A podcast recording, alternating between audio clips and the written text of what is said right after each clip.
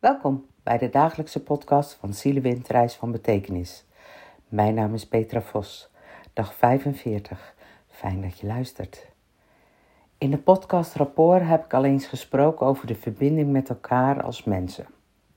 Omdat het zo'n belangrijk onderwerp is, kijken we vandaag vanuit een andere hoek. Soms zoeken mensen een bevestiging in mismatch. En dat kan heel verwarrend overkomen, want jouw insteek is anders en je zoekt juist de verbinding en toch lukt het niet. En hoe kan dat dan toch? Hoe komt dat en waar ligt dat aan? Dat je niet op diezelfde golflengte kunt komen. Kun je daar überhaupt achter komen? Ja, dat kan. Wat niet wil zeggen dat je dan ook automatisch een match zult hebben. Het maakt wel dat je begrip kunt hebben en krijgen voor de situatie. Want achter elk gedrag zit een positieve intentie. De expressie ervan is boeiend om te onderzoeken. Wat natuurlijk het gedrag niet goed praat. We gaan achter de mismatch kijken. Stel je de waarom-vraag. Stel jezelf de waarom-vraag. Waarom doet iemand zo? Waarom?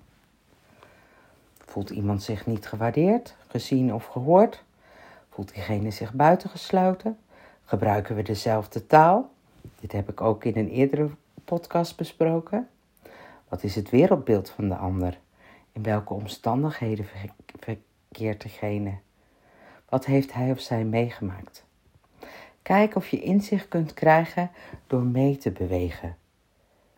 Laat de ander voelen dat ondanks de mismatch er ergens een match kan ontstaan, zodat je een gezamenlijkheid kunt creëren.